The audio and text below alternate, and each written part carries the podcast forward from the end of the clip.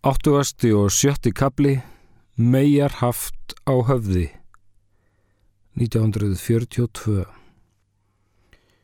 Bombunótt í Hamburg taldi í raun fjórar fimm. Vélarnar komi í hópum, fyl fullar af eldi og tæmdu sig yfir gamalgróin og sillufögur íbúa hverfin. Hörfu síðan til vestus eins og sattar híjenur. Þá gafst næði til dottunar uns heyrðist í næsta holli. Sýrenur og loftvarnarbissur gullu við á ný, síðan hóst sprengjuregnið með tilheyrandi hneggi, unsinn hryllilegu búmhljóð tóku við. Ég fer á stúfan á nóttunni, ég þarf ekki nema hálfansöfn, sagði vinurinn Aron og blikkaði til mín. Hvar sofið þér? Ó, ég reynir nú að dreifa því. Eitt sinn sá ég í skúfu, hann að skipti áltarreiðri, Sofi ég á mjúkus ef ég fast en sofi ég á hörðu laust. Sofi ég inni sef ég út en sofi ég úti sef ég eins og hundur með annað augað opið. Gott er að sofi í ræsinu því þá dreymir mann kaffibóð hjá Guði. Ó, er kökur. En örugastur er maður þó í sprengjugík því tjallin er nískur og sprengir eigi það sem sprengt er. Annars óttast ég ekkert og allra síst döðan. Komi hann er koma vill og komi þá heill en ekki hálfur. Þetta var allt eins og laungu samið líkt og úr gömlu leikriti. Hann hafði spunnið handa sér svör við hverri spurn og var aldrei orða vant og í hverri setningu var einhver eirum ljúfust orka. Línurnar komur syndrandi spertar út úr honum líkt og rafmaks línur úr orkuveri og þá var röttin sem rauðvín í eirum streymdi mjúkleg ljúfeng og áfeng út úr þessu dánar grímulega andliti. Og nú söngan fyrir mig Út í sefi eins og stein, ástar kongur sefur, ef hann vaknar ekki heit, allt sitt ríki gefur. Jésús minn, ég var alveg heitluð af þessum taklvana kentári með sjaplinskegg. En hvað um það nú byrtist hinvinurinn minn aftur, hansadrengurinn hans klöyfi, sá með kvítubrúnirnar og kaskeitið. Hann stuggaði fyrstið niðurlensku sveitafrúnum, þær styrðust á fætur og heldu leiðar sinnar. Þá kom hann yfir til okkar. Hálbróður Hitlers dró fram glænitt prógram. Góðan morgun, góðan morgun, góði drengur og mikið er þetta falleg stígvel. Myndu þér framlega stígvel fyrir handleggi væri ég fyrir launguflógin á vývöldin að raskella rússan austu við dón og færi þar á handgöngu fyrir fótgönguliði því í stríðum er mér gefið allt nefn að taka til fótana. E, hverjir eru þér? spurði hans út af læginu slegin og sneri sér að mér. Er hann með yður? Fríður sé með yður því senkt verður það stríðið. En yður hefur tekist að verja þessa festingu og er það vel? Já, gott ef ekki heiður smerkilegt afreg sem ég mun rapporter á réttum tíma við mitt fólk. Sjálfur heit ég Aron og er Hitler, litli bróður föður okkar allra.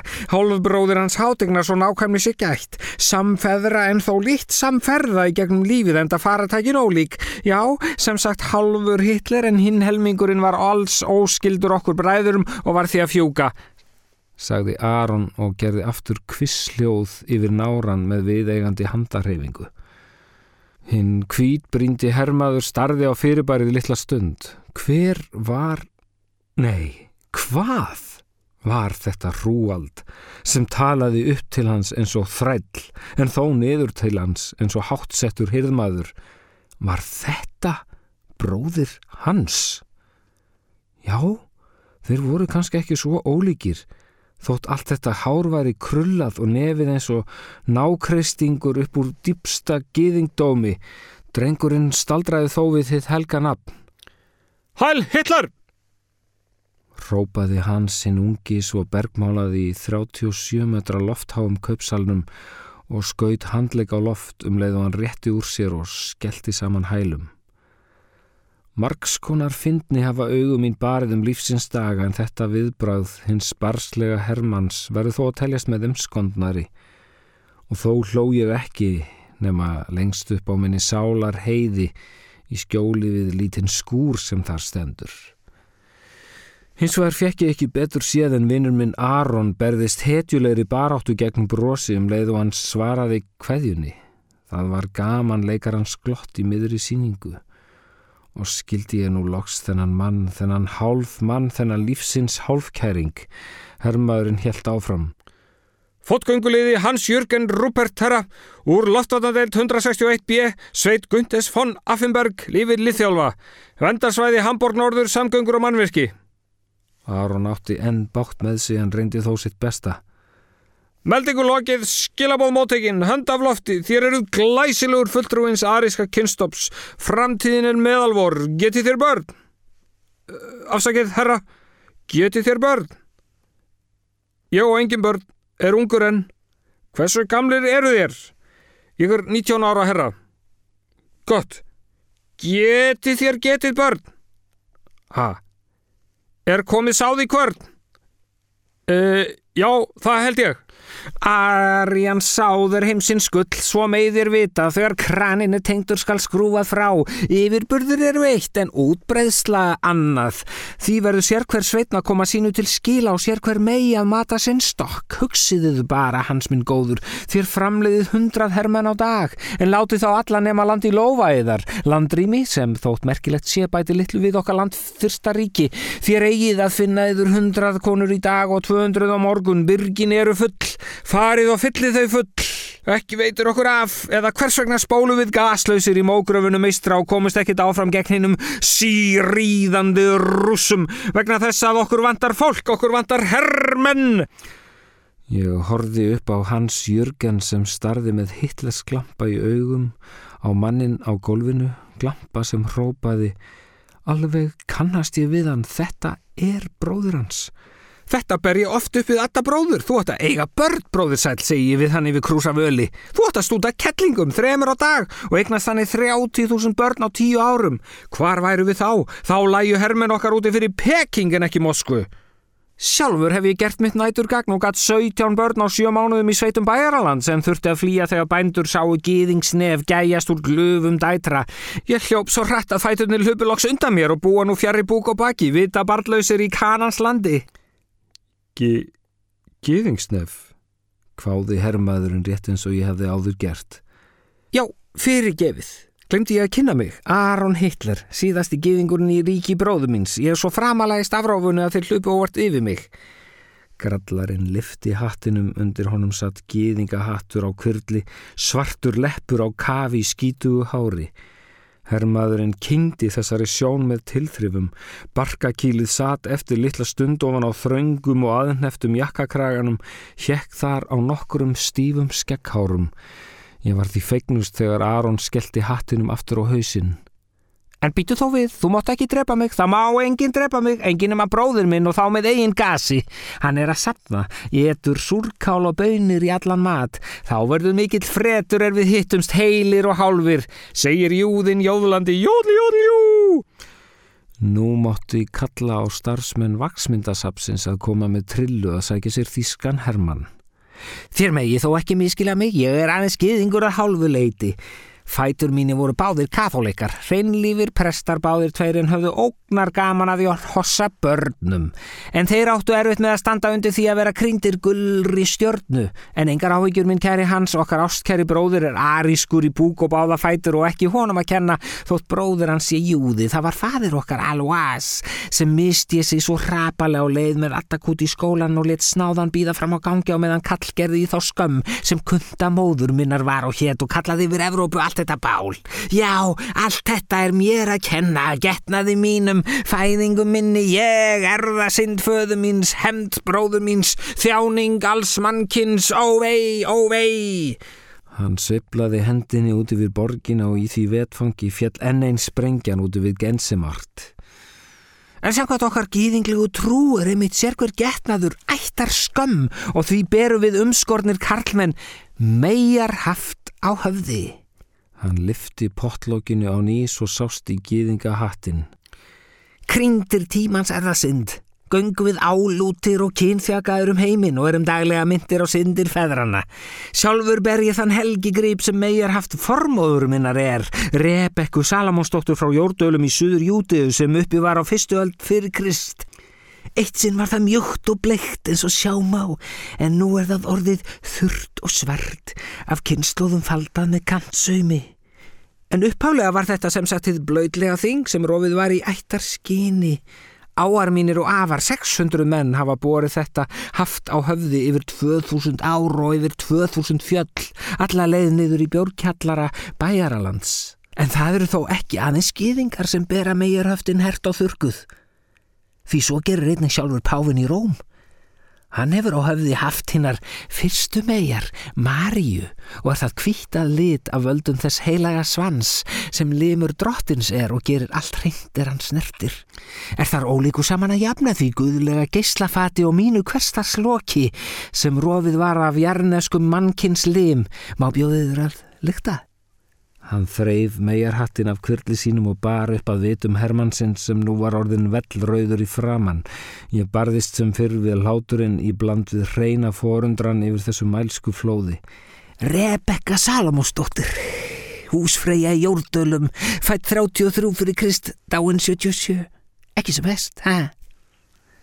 Hans Jörgen híkaði ögn en beigði sér loks fyrir hitlisnafninu og rak fram trínið, snusaði af hennu 2000 ára gamla megarhafti. Já, örlítil svona, hvað skal segja, svona síðgiðingleg sáðulykt, en samkvæmt trú okkar skali mitt elsti kallmaðurinn í fjölskyldinni sáðbleita haftið áður en það er afhengt yngsta afkomandanum við umskur, þannig að hér Hann snýri hattinum við svo nú myndi hann á frumstæðan disk í lofa hans. Hér í þessum hatti höfum við altså uppsafnaðan lífsafa kynnslóðana frá Abraham til Aloise. Já, hann líka pappi okkar að það, hann setti sitt í hattin. Ég var fann að hlæja upphátt, ég fekk ekki hamið mig lengur, þetta var mér ofviða. Hér gefur sem sagt að líta í einum gýðinga hatti þann fróma Hitlers brund sem fóringin er sprottin. Skot kvellur gall við og gýðingahatturinn svarti sveif til jarðar um leið og hálfi maðurinn fjall aftur fyrir sig þannig að stubbarnir stóðu á lofti. Gamanleikarinn hafði lokið hlutverki sínu. Hláturinn fröys fastur í hálsi mínum. Ég leit upp. Ég hafði ekki tekið eftir því þegar herrmaðurinn lifti riflinum. Kvellurinn var ægilegur. Hárfínan reik lagði úr hlaupinu Hárfínan reik virtist einnig leggja upp af höfði hins ólánlega Hermanns þar sem hann starði fram fyrir sig á nýfallið fornalampið og velti því fyrir sér hvort hann hefði nú kannski í alvörunni drepið hálfbróður fóringjans. Þetta gaf mér tíma til að rjúka á fætur. Þegar hann rankaði loks við sér og bjóst til að skjóta mig var ég komin út á gólfið og ógnaði honum með handsprengju. Pappi var kannski nazisti en hann var samt engin vittlisingur.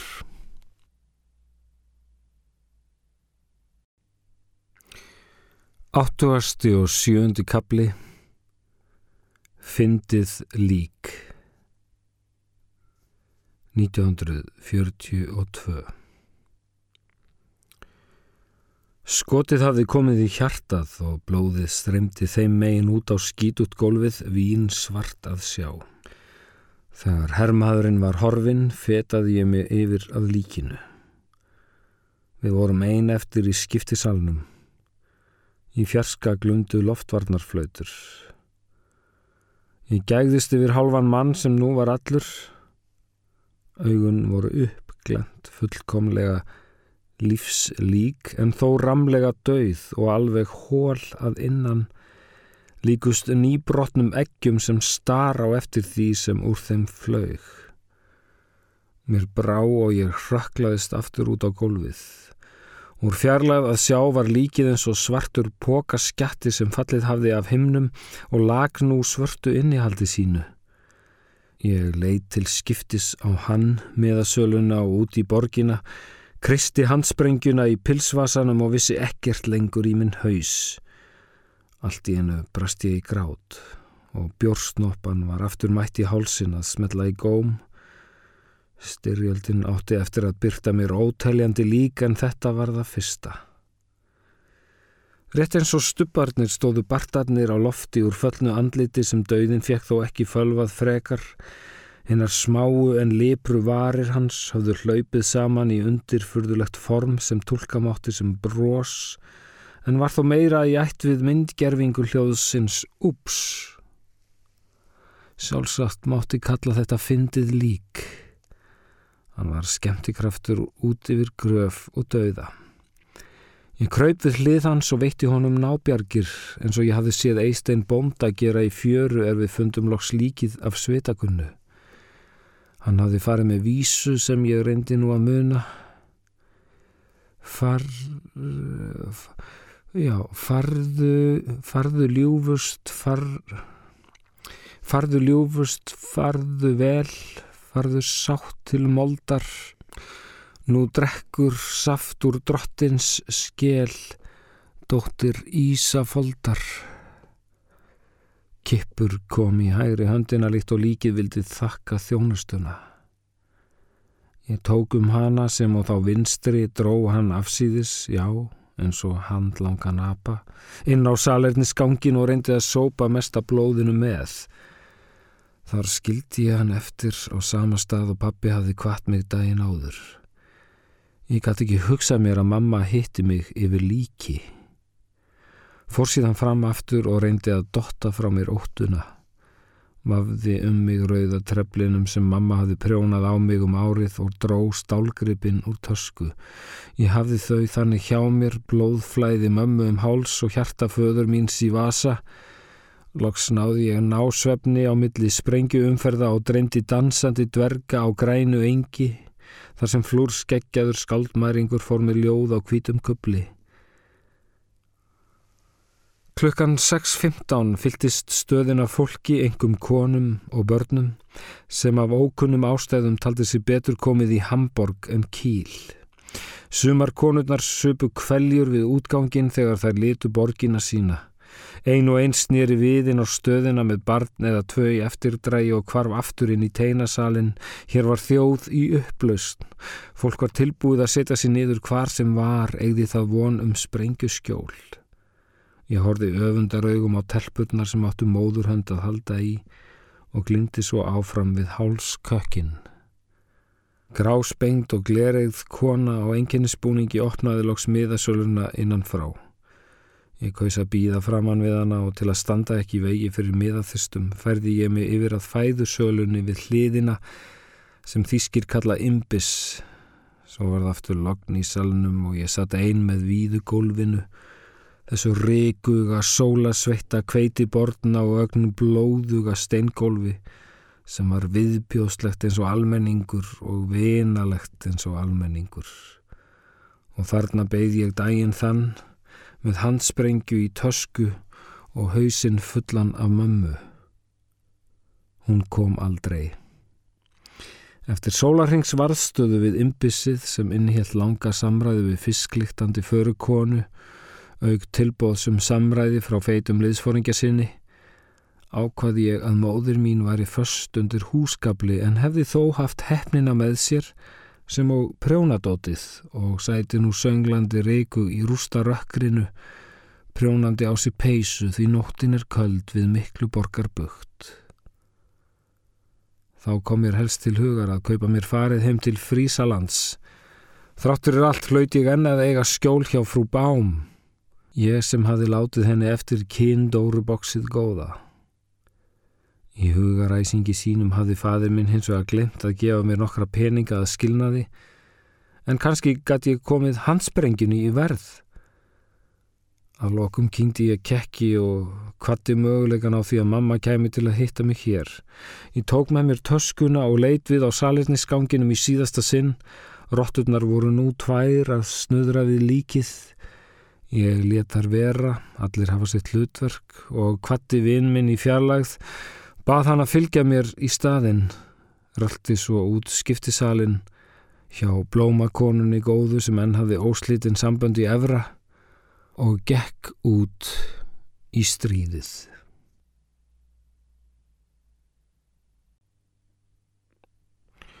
Áttuasti og áttundi í kabli Sorp og hjólum 2001 Síðar komst ég á stopnun sem nefnir sig skjól, en þráði þá ekkert meir en stríð og storma. Ég kallaði það refsi vist. Þeim sem þráast við og neyta að deyja er stungið inn og allir fá þeir lífstíðar dóm og jáfnvel ég trúði því sjálf að ég væri dæmt til að þykja þjónustu og þægindi uns yfir líki en að þremur árum liðnum rankaði ég úr kerfisrótinu það rannu fyrir mér að kannski myndi ég ekki deyja í dag og ekki á morgun. Kannski eitt ég eftir ár eða tvö. Þau eru nú orðin átta Mér tókst að flýja með því að dulbúast sem sorp á hjólum, brái við mig svörtum ruslapoka og komst inn í vöruliftu í hjólastól nefndum Thunderbird, ítti á rétta takkan og var komin í greiðabíl skammu síðar, gisti heima hjá bílstjóranum um kvöldið í kallara íbúð í Kópavogi, hann gaf mér í glas. Ég spurði hvort hann vantaði ekki konu. Hann brást við með því að hverfa henni skáp og kom þaðan með hárkollu þá sem ég hef borið síðan. Stifti sér síðan yfir mig með stækri svitalikt og lagði mig til í sófa. Ég svaf undur vel innan um hræðileg málverk og ritsapn Einars Benediktssonar og dreymdi föður minn ungan. Dægin eftir hafðist upp á mér. Deildastjóri að frafnistu mætti á staðin og ég greitt álitið fyrir hana tókst að krista nokkur tár fram úr þeim uppþornuðu sítrónum sem augum mín eru. Henni var þó ekki haggað. Nú kemur þú út í bíl með mér, Herbjörg, er það ekki? Það var ekki fyrir en ég hótaði hægðaverkfalli að hún lagðist í síman og var komin út á tröppur er hún hafði loks upp á dóru sem átti tóman bílskur. Um kvöldið var ég komin í kvamskerðið og svaf í nýtæmdu ungdömu herbergi heila viku undir bleikri bókahillu á meðan Gauji smíðaði skúrin til.